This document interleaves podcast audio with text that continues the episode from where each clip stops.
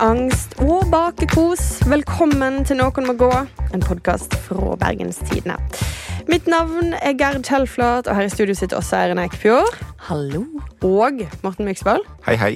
Og i dag blir det det da vi har på menyen, folkens. Angst og kos. Litt angst, så litt terapi. Men aller først litt politikk. Jeg, vet ikke hvor, jeg visste ikke hvor jeg skulle plassere det. Begge plasser. Fordi eh, stortingsvalget er halvannet år unna, og det er angst for noen, kos for andre. Ja. Og jeg tror vi skal begynne med de det er eh, kos for. Og Vi skal ta utgangspunkt i en NRK-måling som kom eh, denne veka her, og så ser vi jo selvfølgelig litt på snittet av målingene og utviklingen i det siste, fordi vi skal ha liksom hele blikket og alt det der. Høyre er målt til 26,5% på NRKs siste måling. Og det er jo høyt, spesielt når en ser hvor de andre eh, ligger. Men det som er ekstra liksom, interessant der, er at på utviklingen i det siste så så en at Høyre steg og steg og steg, og så fant Finnes ut at uh, han hadde kjøpt veldig masse aksjer. Det ble en stor sak. Høyre falt og falt og falt.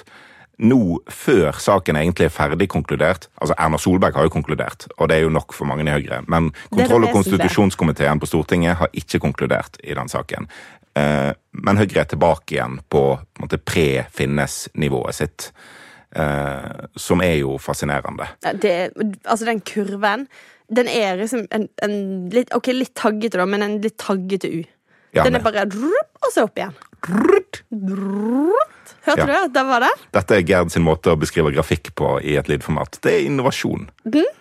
Veldig bra. Altså, tror folk Er det, noe som kan, er det noe som kan velte det for Høyre nå? Når de kommer seg gjennom dette på en så ok måte? Nei, det er sånn ny saying. Hvis du har overlevd eh, Sindre Finnes, da eh, klarer du alt. Tror ikke du? Ja, så er det jo spørsmålet sånn, er det Høyre som gjør geniale ting, eller er det bare det at Arbeiderpartiet er så elendige til å drive med det de gjør? Høyrefolk blir skikkelig sinte hvis en sier at de sitter stille i båten. For de skriver jo merknader, de er jo på talerstolen, de gjør jo ting, de reiser rundt i landet, er aktive.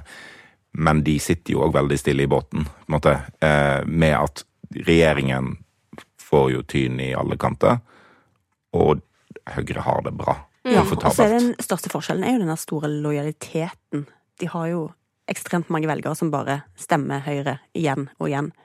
Uansett hva som skjer, tydeligvis. Ja, vi har sett eh, bakgrunnstallene fra den NRK-målingen, og 80% av de som stemte på Høyre sist, har tenkt å stemme på Høyre igjen. Det er det som menes med lojalitet, og 80% er veldig mye. Det er solid. Ja, Det er sjelden at det er høyere enn det. Ja. Og har du folk som stemte sist, så er det jo en veldig god ting. Men en, en, på en måte, hvis en skal lete etter negative ting for Høyre da, i den målingen, så er det at de òg har veldig mange eh, som ikke stemte sist eh, i, i sin velgergruppe nå. Det er det vi kaller for overmobilisering, er det ikke det? Eller, Eller, altså, ja. ja, mobilisering i hvert fall, men de er jo litt sånn Siden de ikke stemte sist, så er det jo en sjanse for at de ikke stemmer denne gangen heller. Og det, viser, det er sånn typisk tegn på at et parti som er i vinden, som får mye gratis. For hvis du har med deg de der sofasitterne, Mm. da det er det akkurat da. Da er det litt sånn Da er folk med bare fordi det er gøy. Ja. Og det viser jo egentlig litt hvorfor Altså Litt av den medvinden til Høyre nå kommer bare fordi det er medvind. Er du først i støtet, så, så er det lett å bare fortsette. Men, men det er jo da, de var jo virkelig ikke i støtet i høst. Nei. De lå jo Altså, Erna Solberg lå der med knekt rygg, og så er de tilbake. Ja. Eh, og det er imponerende, altså. Det er jo av og til en snakk om politikere som liksom snur kappa etter vinden og, og, og, og sånn. Og når du snakker om medvind, så er jo velgerne litt det samme. sant? At de òg snur litt kappa etter vinden, og hvis Høyre har medgang, så får de mer medgang. Eh, men den midlertidige duppen, den, den var jo bare midlertidig. Så, Ja, helt- så, så vinden var tydeligvis sterk nok. Ja, ja, kanskje det bare var da. Det bare løya litt. Men du ser jo at den blå Må vi jo kalle den blå vinden, da. Som, eh, som Den tar jo med seg hele den høyresida i, i politikken akkurat nå. Ja, for Frp og Venstre òg har uh, oppsving på, på målingen. Frp på 14,3 og Venstre på 6,6. Ja. Og det siste tallet der er jo måtte, ganske høyt. Det er jo et parti som eh, har lært sperregrensa å kjenne. Eh, ja, hva Altså Jeg tror du sa noe sånt som skal de møte sitt første valg uten å bekymre seg for sperregrensen på hva da, 150 år? Jeg vet ikke hvordan de skal håndtere det. Det, det, jo, det var jo lenge sånn at de ankvert valg havner over og under sperregrensa. Ja. Og så ble jo den brutt for noen år siden, og nå er det ikke sikkert at sperregrensa er relevant for Venstre i, i 2025. Mm. Det er jo litt nytt. Har de da noe motivasjon i det hele tatt? De har jo lansert eh, sin egen eh, partileder som statsministerkandidat. Ja, eller noen har lansert. Noen har. Ja, Ja. Hun, hun har vel uh, sjøl Hun sa noe sånt som at eh, når hun Altså, på dette eh, Med denne, disse målingene så er det ikke grunnlag for det. Ja. Så hun har på en måte roa ned litt, da. ja, Guri Melby har liksom sagt flere må stemme på Venstre, egentlig, for Ja. at hun skal bli statsministerkandidat. Men det Hun har du da unngått å peke på Erna Solberg, da. Ja, og det er jo noen av de Altså det at de kan ha vært en tydelig kritisk stemme til Solberg, tross alt, selv om hun klarer å overleve, eh, appellerer nok til en del i Høyre òg, som er kritiske til at hun blir sittende, og ikke tør å si det helt høyt, men bare migrerer sakte til venstre, kanskje. Ja. De fremstår som et, et godt liberalt alternativ. En li- lillesøster som Ja. eh, Vi har jo kan gå til. vi har på en måte sett denne utviklingen på venstresida, der SV har blitt et uh, alternativ for veldig mange Arbeiderparti-velgere, eller tidligere Arbeiderparti-velgere. SV har etablert seg på et nytt høyt nivå. De òg var jo godt kjent med sperregrensa en stund, eh, mens nå har de målinger opp på titallet. Eh, Og over òg av og til. Altså, det Ja, er helt absurd. Men lenge så lå de stabilt på sånn 7-8 og kanskje etablerer de seg på et enda høyere nivå nå. Spørsmålet er jo om Venstre kan få litt den samme rollen overfor Høyre som eh, og, og at i hvert fall tiltrekker seg flere velgere på den måten, som SV har fått eh, overfor eh, Arbeiderpartiet. At mer liberale byvelgere eh, stemmer Venstre heller enn Høyre. Sånn som litt sånn mer progressive byvelgere stemmer SV foran Arbeiderpartiet. Men da er du avhengig av igjen som, eh, at Venstre gjør noe helt nytt, nemlig får lojale velgere. Men det har de jo fått. Ja. Altså, jeg, jeg så på Poll of Polls. De har lojaliteten til NRK uh, sine målinger før stortingsvalget sist. Mm. Og det var én gang de bikka 40 ja. Ellers var det på 30-tallet. Ja. Uh, Forrige stortingsvalg. Ja. På den målingen fra NRK nå sist så var lojaliteten på 75% Og det er sånn Jeg tror ikke mine egne øyne. Nei, det nå er vi jo situasjonen. liksom nesten på høyrenivå. Bare for å eh, si det, så er jo Ap sin lojalitet litt over 50, bare. Ja. Ja. De har bytta, på en måte. Ja. Eller, ja. Er Arbeiderpartiet det nye Venstre? Men Venstre og SV har ganske lik lojalitet, da. Ja. Så det er jo, er jo altså, Å sammenligne de er ikke så, så ute. Nei, og begge er større i bysentrum enn en lengre ute på bygda, med noen uh, unntak uh, for, for begge partier. Så er det jo, har de jo etablert seg mer som sånn typiske byparti, uh, i lag med og MDG, men som er, er langt, eh, langt mindre. Men for SV så er jo det bare det smarteste de har gjort, å ikke gå inn i denne regjeringen. Ja, Å være en opposisjon på venstresiden eh, som faktisk har reell makt, og som, eh, som kan markere seg på de sakene de faktisk bryr seg om. Og som ikke er klistra til et prosjekt som går ganske dårlig. Ja. Eh, og det blir jo eventuelt et eh, problem for Venstre da, på et tidspunkt når det nærmer seg valget, så må de jo antageligvis klistre seg litt nærmere på Erna Ja. Solberg og Høyre. Ja, for det, det vi ser nå med at både Høyre, Frp og Venstre stiger, det er jo ikke sånn at sjansen for en firepartiregjering der KrF òg er inkludert, har gått i taket. Altså, KrF og Venstre krangler om surrogati og abort og, og mye. Og at Frp er stort, det er jo heller ikke måtte, bra for et Venstre som vil holde på eh, populariteten Nei, sin. der er Sylvi Listhaug. Hun er jo ikke en person som jeg antar de fleste venstrevelgere er liksom overbegeistra for. Nei. Og den gjengen er jo ikke veldig naturlige samarbeidspartnere, hvis en pirker litt i hva de egentlig mener. Innenfor det borgerlige. Sist gang de, de eh, samarbeidet, så var det jo flere regjeringsdannelser enn statsbudsjettet omtrent. Fordi, I hvert fall på slutten der. Fordi det var jo inn og ut av regjering hver 14. dag, uh, virker det som. Ja. Men altså, men, men bottom line så er jo det alt dette er kjempenyheter for Erna Solberg, så lenge ikke Venstre begynner å liksom skalle av Høyre, da. Eh, Ja, så lenge de er et supplement. Ja, så lenge de er et supplement og ikke blir eh, SV for Arbeiderpartiet. At de ikke blir en eh, Hva heter det sånn der som setter seg på deg og begynner å spise? Ja, eh, Kannibalisere, kan du jo si. Det er jo- du, du er jo ute etter litt uh, slags mer enn å ringe om. Vi skal snakke om, vi skal snakke om bakekos senere, altså gastromat. Hvis Venstre kan være Høyres gastromat. Ja, det er det de må være. Ja. Det er det de må satse på. Ok, Arbeiderpartiet, da. Ja, Der er det jo ikke så masse lys i tunnelen. Lite lys og lite varme. 17-tallet Ja, det er ser de på denne målingen her. Det Det er er, jo ingen vei ut av det. Og Trond Giske er i nyhetene igjen. Altså, De to tingene må jo henge sammen på en eller annen måte. De kommer seg jo aldri videre. Det, altså, Erna Solberg, saken er ikke ferdig, men saken er glemt. Mm. Trond Giske-saken er inne i sitt sjette år nå, Ja. og har fått nytt liv. Ja, men det, men det Altså, grunnen er jo at Trond Giske har jo alle Han har jo lyst til å holde denne saken i live. Ja. Ja. Så da blir det sånn. ja. Vi kan jo si litt om det som skjedde i Trondheim nå nettopp. Ja. Et slags demokratisk kupp, der Trond Giske plutselig er på plass i ledelsen, er nestleder. Mm. Eh, den som eh, hans eh, Nidaros sosialdemokratiske forum støtta i fjor, den lederen er nå skibba ut. Hun var ikke på valg engang. Nei, og, og han har jo dette her eh, Nidaros-partiet altså Det er så sterkt at han klarer jo egentlig å ha så mange folk bak seg at de kan helt ryddig og demokratisk og etter alle regler bare få seg sjøl inn i eh, verv. Ja. Så er jo valgkomitélederen Hun er jo tidligere folkeregistrert uh, i hans hybel. Uh, så, så det er jo litt sånn Det er jo, det er jo tette bånd her. eh, men men eh, det er jo lov å velge noen andre. Litt rart å, å erstatte en leder som, som ikke står på valg. Hun var valgt for ett år til. Det var jo et rent mistillitsforslag. ja. Ja.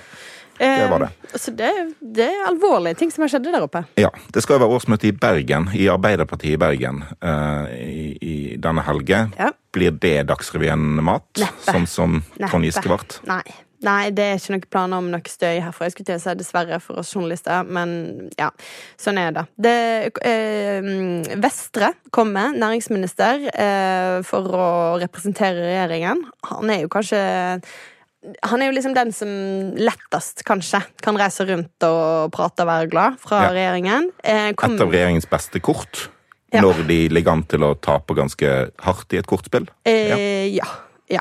Det kan du si. Og han kommer nok helt sikkert til å få noen um, Møte noen kritiske røster her òg, det tror jeg jo. Og basert på de sakene som er kommet inn til årsmøtet, så kommer det til å handle veldig masse om en ty altså en tydelig eh, utspill om eh, Palestina, om Gaza-konflikten, om boikott av Israel, et eller annet i den, eh, i den løypa. Ja. Eh, som eh, Espen Barth Eide, utenriksministeren, var også her eh, nå i uka og sa vel at han syntes boikott var skikkelig teit. Ja. Eh, da bryr ikke Arbeiderpartiet i Bergen seg så veldig om det. Nei, absolutt ikke. Så de kommer til å foreslå et eller annet sånt. Men det er på en måte ikke, det er ikke noe nytt. Dette er på en måte litt Dette er Arbeiderpartiet i Bergen. Eh, og så kommer de til å Kanskje noe greier på strøm, men det er liksom litt sånn veldig sånn saklig, ryddig kritikk. Eh, det er ikke noe Men i motsetning til trønderne, så lar de seg ikke styre av en som har bodd i Oslo i 30 år, da. Som Trond Giske har gjort. Ja. Det, veldig, det hadde vært veldig rart hvis et Arbeiderpartilag i Bergen skulle bare være styrt av en bergenser som, som ikke vil bo i Bergen. Ja. ja. Men det er jo Men det er klart, misnøyen med regjeringen og med, med ledelsen, partiledelsen, den lever her i denne byen òg. Ja. Det er bare ikke helt um, Ja, den kommer bare ikke helt igjennom, på en Mm. måte. Ja, eh, og det Ja, at ikke det kommer igjennom på Giske-måten. Ingen kan jo gjøre det helt som Trond Giske, på en måte. Heldigvis. Ja, ja, altså Nå Ja. får de jo ny negativ buzz nasjonalt, for at denne eh, kontrollkomiteen dere sa Erna Solberg-saken er jo liksom avgjort av Erna Solberg. Men der kan det jo komme ganske krass kritikk av Tonje Brenna, som er kronprinsesse i Arbeiderpartiet. Eh, Anette Trettebergstuen er jo under etterforskning av Økokrim. Så de har jo en større risiko knytta til utfallet, Ja. egentlig. Absolutt. Så, og eh, vi må òg minne om at Kjerkol-saken, der eh, plagiat av masteroppgave er fortsatt ikke er avgjort. Eh, den har de trenert, og, men vi venter jo fortsatt, og det sitter en del journalister i dette landet som ikke eh, har glemt dette. Vi må litt videre til eh, ja, SV. De, de var vi jo innom kort i stad. 9,5% på denne målingen. Eh, godt høyt nivå. Senterpartiet, da. 6,6% Ganske kraftig ned fra stortingsvalget sist. Men det kan jo virke som de i hvert fall har stabilisert seg her. Ja, og det er jo et nivå de har vært på før. Eh, Det var en måling her nå der Venstre var høyere enn Senterpartiet. Da tror jeg svir litt. Men det sier jo mer om Venstre, som gjør det ekstraordinært bra, enn om Senterpartiet, på et vis. Ja. Um, ja. Jeg sjekker, jeg sjekker, stortingsvalgresultatene fra 1961 til uh, 2021. Medianresultatet for Senterpartiet 6,8% Akkurat det samme som denne målingen her. Så det er jo på en måte en normal situasjon over tid. Eh, at, at det forrige valget var mer unormalt. INP, da, dette Industri- og Næringspartiet. Ikke av utbryteren, men uh, originalen uh, Industri- og Næringspartiet. De er jo veldig interessante pga. nettopp alt de har vært gjennom, og det er de siste ukene. Uh, vi har jo snakka om tidligere, så det er bare å gå tilbake i noen episoder og, og høre om hvordan partilederen Ove Ingman valgte å meldte seg ut, har starta en ny greie, tatt med seg deler av partiet over, og ikke minst Facebook-siden med 50 000 følgere. Mm. Um, og det var jo interessant, eller veldig spennende å se hva utslaget det ville få på målingene. Og ja, de har jo fått en dupp. Um, de har jo eh, ligget og leket med sperregrensa på noen målinger tidligere, mens eh, denne gangen så er de vel på rundt en 2,5, er ikke det, Morten? Jo. Ja. Og de ligger på målingene på sånn 2,5, mellom 2,5 og 3% Jeg tenker jo likevel er ikke det kjempebra? Fordi at På disse målingene så får de jo også inn, i hvert fall på VG sin måling, men jeg tror også på NRK sin siste måling, så får de inn direktemandat, og da er jo jobb Altså Da er de jo da er de inne, da. Inne, Og så er det jo å være heldig med hva som blir valgkamptema i 2025. Treffer de på noe ja, ja. der, så er ikke veien opp til fire blanke og sperregrenser så veldig eh, stor, og da utløses det jo veldig mange mandat. Så skal det likevel sies at ofte responderer velgere litt sånn med en litt legg Altså, hva heter det? Nå begynte jeg bare Forsinkelse. Ja, takk. Eh, på sånne hendelser som dette. Så det kan jo være at eh, vi vil se at de faller ytterligere om en måneds tid. Men så, altså, De skal ha årsmøte her i Vestland og i helga òg. Eh, lokallagene er jo oppe og går akkurat som de var. Det er snakk om at en har mista rundt 1500 medlemmer nasjonalt etter denne oppsplittelsen, men de hadde jo 14 000, ja. som er mange. Sånn at det, det kan være at dette her eh, dette, At de holder det. Ja. Mm. Det, er ikke, det er ikke umulig. Absolutt. Ok, Skal vi gjøre litt sånn uh, hardt uh, skille her? Gjøre oss ferdig, ferdig med politikken? Ja. Og så skal vi gå ah, det, det, blir litt alvor nå. Vi lever jo ikke lystige tider. Vi har jo stort sett ganske god stemning her i Noen må gå. Men nå må vi ned i det litt sånn angstfylte mørket. ok. Verden er jo eh, farligere enn hun var for et år siden. Det var konklusjonen i trusselvurderingen til E-tjenesten. i hvert fall denne veka. Spørsmålet er om de tar nok i. For eh, Tidligere så fikk svenskene beskjed om at de må forberede seg på krig. Og med det mener jeg alle svensker. For forsvarssjef Mikael Bydén var til og med på svenskenes Det er som barne-TV-nyheter. Lille Aktuelt. Og snakka om dette her. Kan det bli krig i Sverige? Ja. Når jeg så tydelig sier ja så handler det her om en utvikling i verden. Det er ingen ny information. Det er noe som vi har både pratet om og, og informert om under flere år. Er du orolig for at det skal bli krig i Sverige? Nej. Jag är inte orolig idag och just nu för att det blir krig i Sverige. Det som kan oroa mig det är att vi som land och som medborgare i Sverige inte är tillräckligt förberedda för de svåra situationerna. Liksom när du ska trösta nej, jag tror inte det blir krig i Sverige, men han er likevel oroad eh, for at en ikke er godt nok forberedt. Der har dere det, barn. Og så kan vi legge til oppå dette for oss eh, her i Norge også at eh, Trump har jo nylig denne uka fortalt gjengen sin i USA at han vil la Russland gjøre, og jeg siterer omtrent oversatt, hva faen de vil med land som Norge som ikke betaler nok til Nato. Så da er det på en måte på tide å spørre Morten, som er vår dommedagsekspert, Eh, er det nå vi skal miste fatningen? Nei, det er egentlig ikke det. Vi burde, altså Det spørs hva du legger i å miste fatningen. Hvis det er å legge press på politikerne og få dem til å innse at det å ha et forsvar, det har vi fordi det alltid er fare for krig. Det må være godt nok til å forsvare landet, til å beskytte oss til vi får hjelp fra allierte. Så burde vi ha mista fatningen for 20 år siden. Fordi vi har bygd ned Forsvaret over lang tid. Det har vært villa norsk politikk. Mm. Vi har heller hatt lyst til å bruke pengene på andre ting, fordi krig ikke har vært et tema. Nå er krig et tema etter at Ukraina har vært invadert av Russland i ti år. Så begynner krig å bli et tema, der vi tenker på, en, på et eller annet tidspunkt tar den krigen i Ukraina slutt. Da kan Russland bygge seg opp igjen etter å ha tapt alt det, og så finne på å lage problem for andre. Mm. Eller at de angripe strømforsyning, datanettverkene våre, eh, vannforsyningen. Ting som måtte bli definert som hybridkrig. Det er vanskeligere å si, slå fast helt sikkert at Russland står bak. Eh, ting som gjør landet mer utrygt.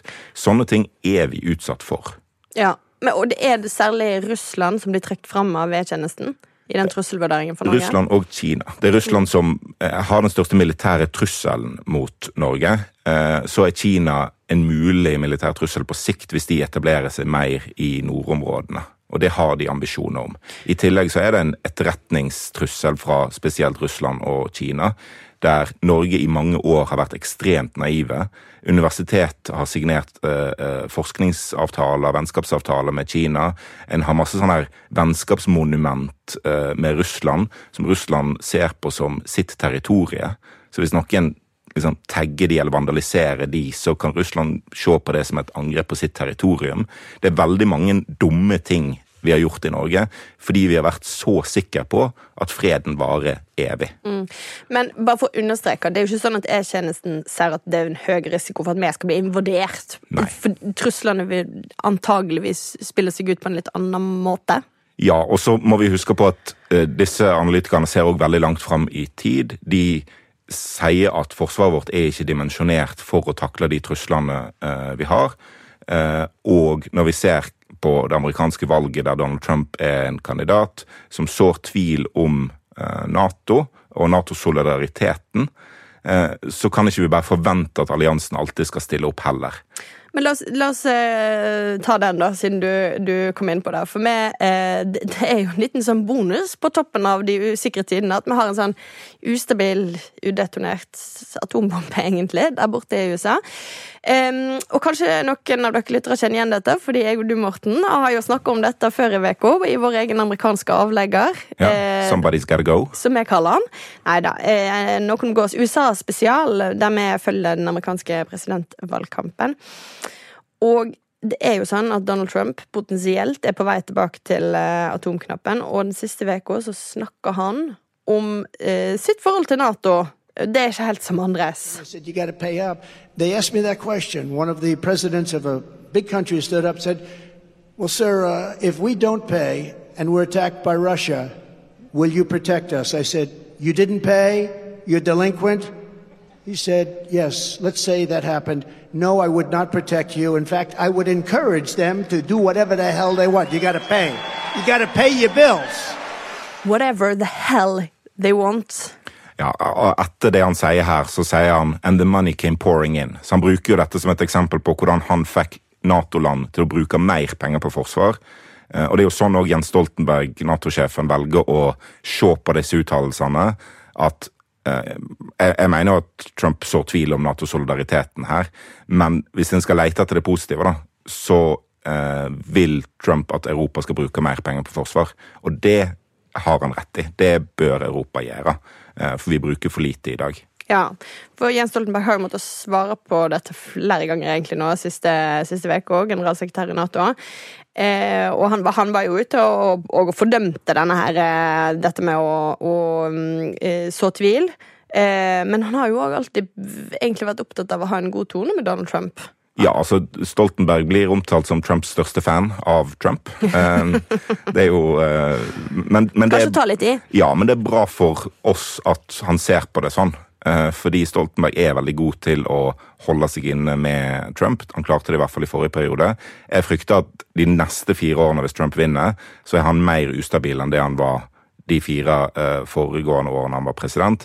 Og ifølge folk som jobber nær han, så var det nære på at han ville trekke USA ut av Nato da òg. Mm. Så vi må jo få farten opp og bruke mer penger på forsvar, sånn at han i hvert fall ikke har det der 2 %-målet å henge seg opp i. Ja. Og Norge er det eneste landet, Nato-landet som grenser til Russland, som ikke oppfyller minimumsmålet om 2% bruk av forsvars, eh, på, på forsvarsbudsjettet opp mot bruttonasjonalprodukt. Men hvorfor klarer vi ikke det, da?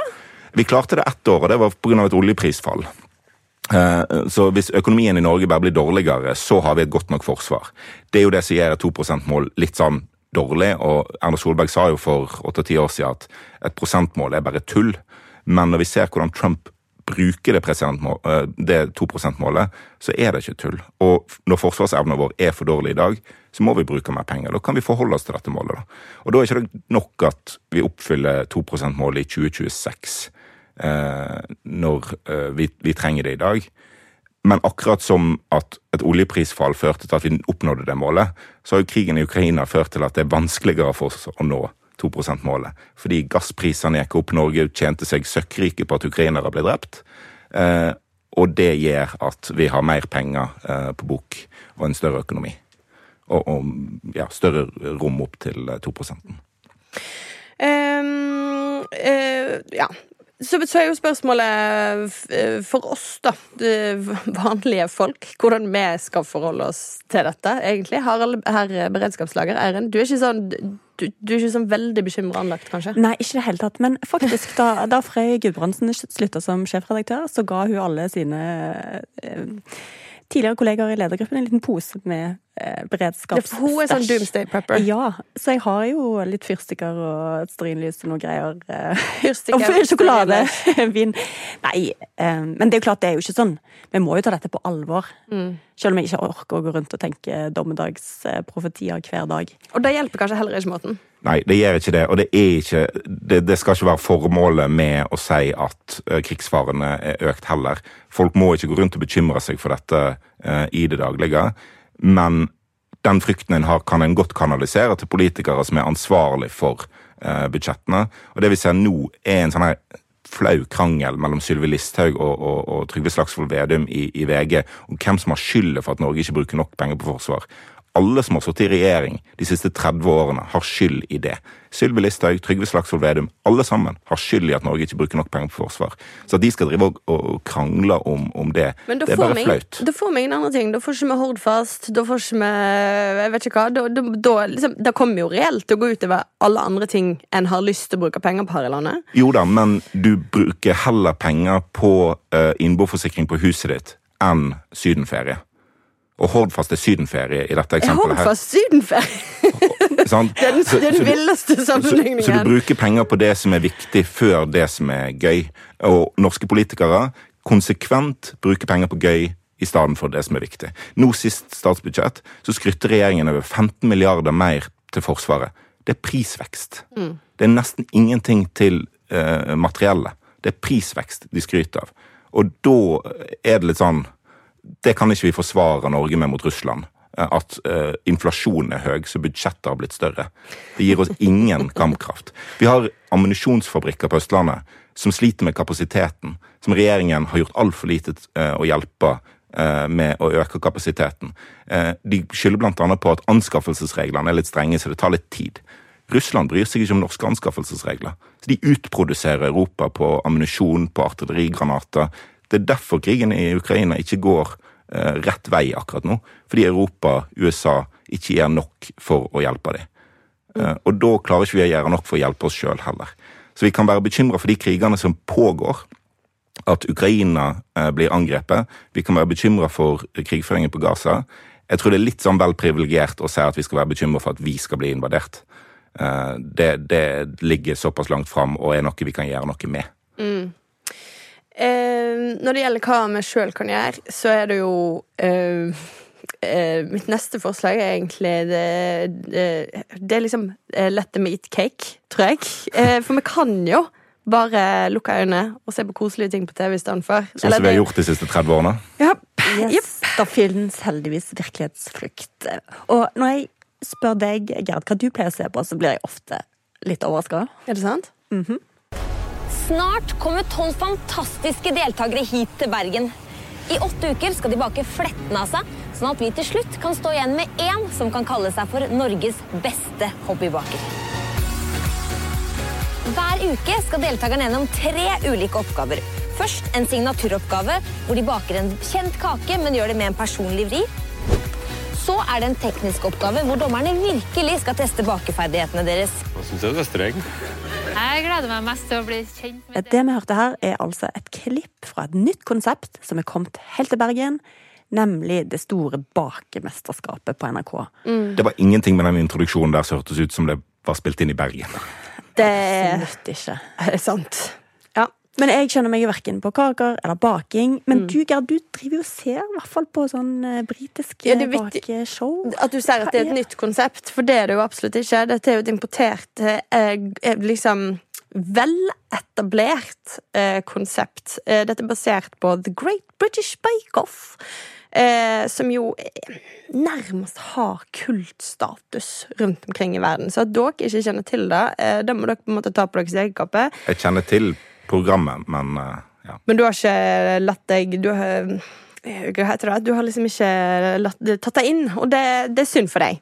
Det, altså, det har blitt enormt populært over flere, altså tiår. Eh, og- Det er 17 sesonger det har vært. Eller noe sånt. Ja, ja kanskje det. Eh, men det, det er nesten som en sånn terapi eh, å regne for folk. Og det er mange grunner, men dette er jo altså et eh, program der, der eh, vanlige folk, veldig vanlige folk fra hele England, da, i det engelske tilfellet, kommer og i et, et, et veldig vakkert telt der de skal ha bakekonkurranse. Det er reality, men det er reality der du ser folk driver med det de elsker å drive med. Men det er koselig reality. Det er ikke sånn kjendisgreie der du er på ditt 14. realityshow i år. Nei, og det som er vesentlig er at det er ikke reality der det er kjendiser, og det er ikke reality der du ser folk gjøre ting de ikke kan. For det aller meste av det som er på TV, er jo folk som, ja, kjendiser som gjør ting de ikke kan. Det er jo egentlig ganske uinteressant i lengden. Altså Her er det folk som er skikkelig gode på det, og de blir bedre etter hvert utover i sesongen. Så bare ser du at oh, de, liksom, de lager helt sånn fantastiske ting.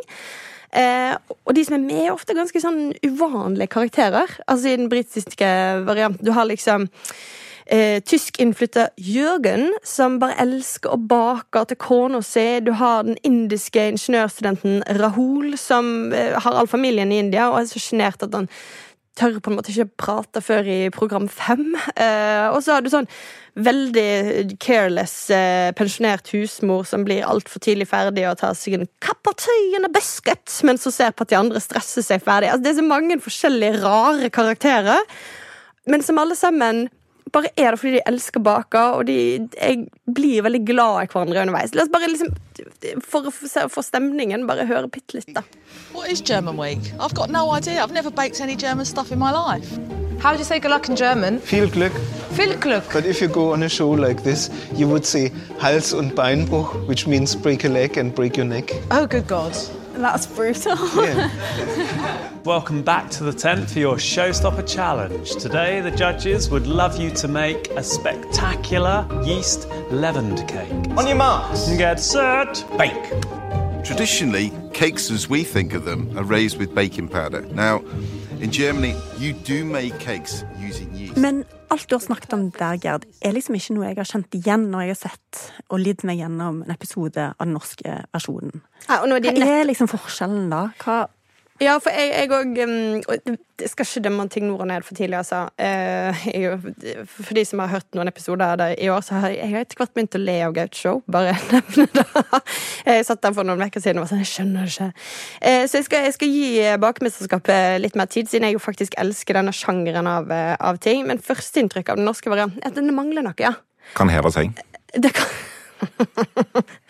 Ok, Eh, absolutt. Ja, la oss høre litt på, på innsalget her. Mm. er mer er!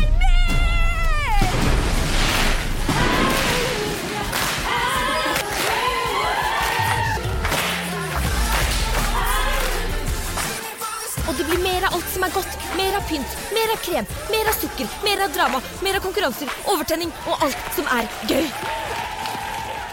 Ja, Overtenning og alt som er gøy. Blir det litt mye, Morten? Dette er det minst vestlandske jeg noensinne har hørt. Mer er ikke mer. Altså, det, det kan bli for mye.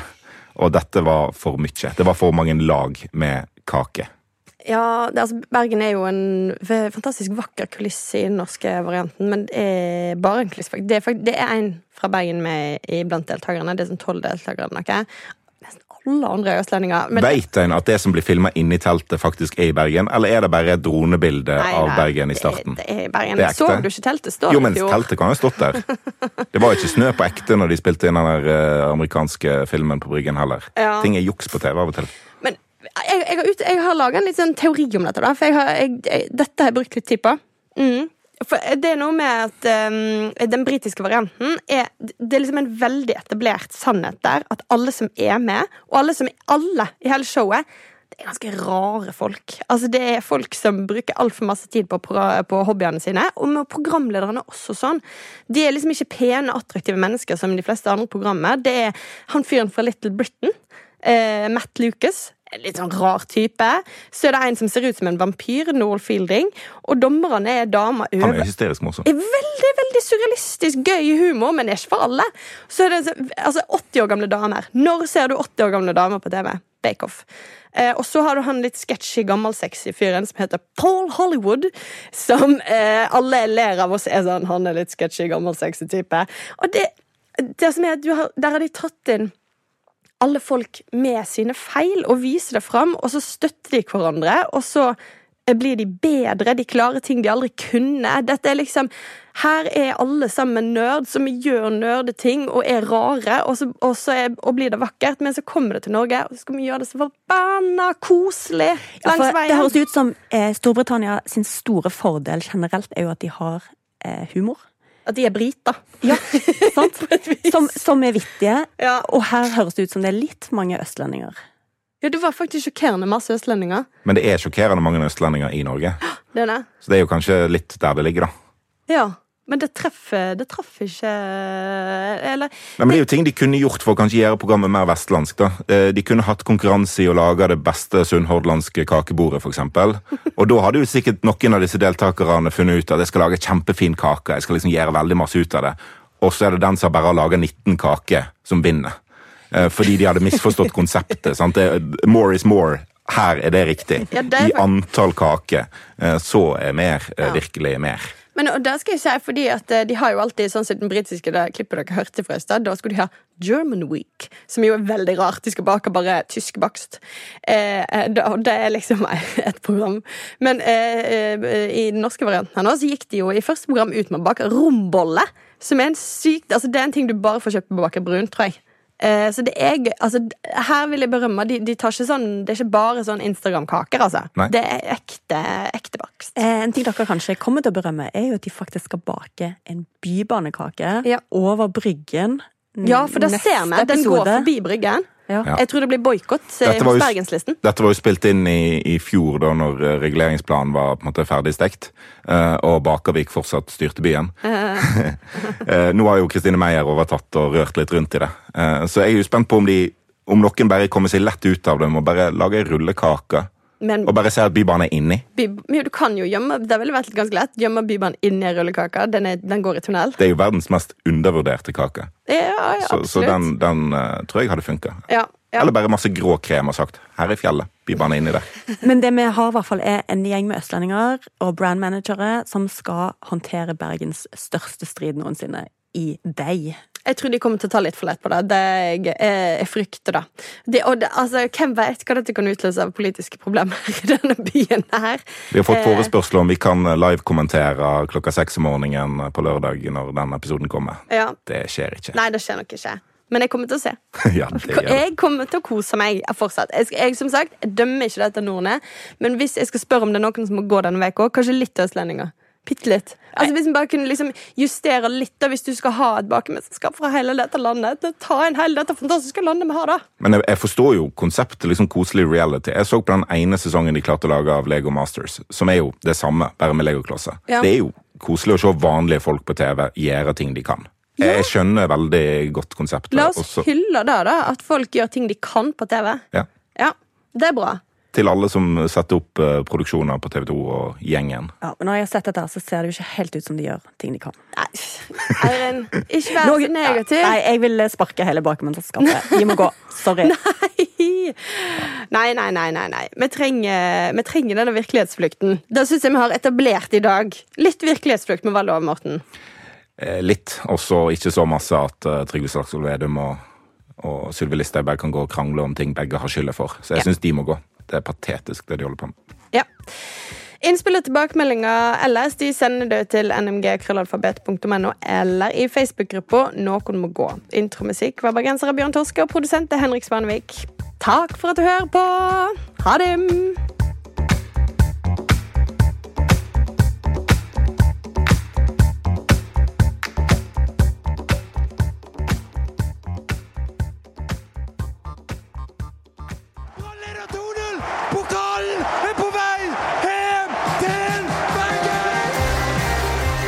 Ballspark er podden for deg som er glad i Brann, eller bare de gode røverhistoriene fra f.eks. Knut Høybråten. Yes, røverhistorier har vi masse av. Og for å balansere Knut Renate Blindheim, byens beste fotballekspert, blir det en god brannsesong. Eh, Det tror jeg. Jeg tror de kommer til å gjøre det enda bedre enn i fjor, og jeg er ikke byens beste fotballekspert. Nei. Så Du kan ikke si det. Og utenom oss tre, Anders Parmar, men nå er han i Syden. Og hvorfor er han der, Knut? Han er i Syden for å gi oss det siste og det beste hver eneste dag klokken 11.30. Lunsj-TV med ballspark. Ballspark det er stedet for deg som er glad i Brann, eller som bare liker sirkuset Brann. For det vet vi. Brann er alltid et sirkus. Hør ballspark på bt.no eller på Podme.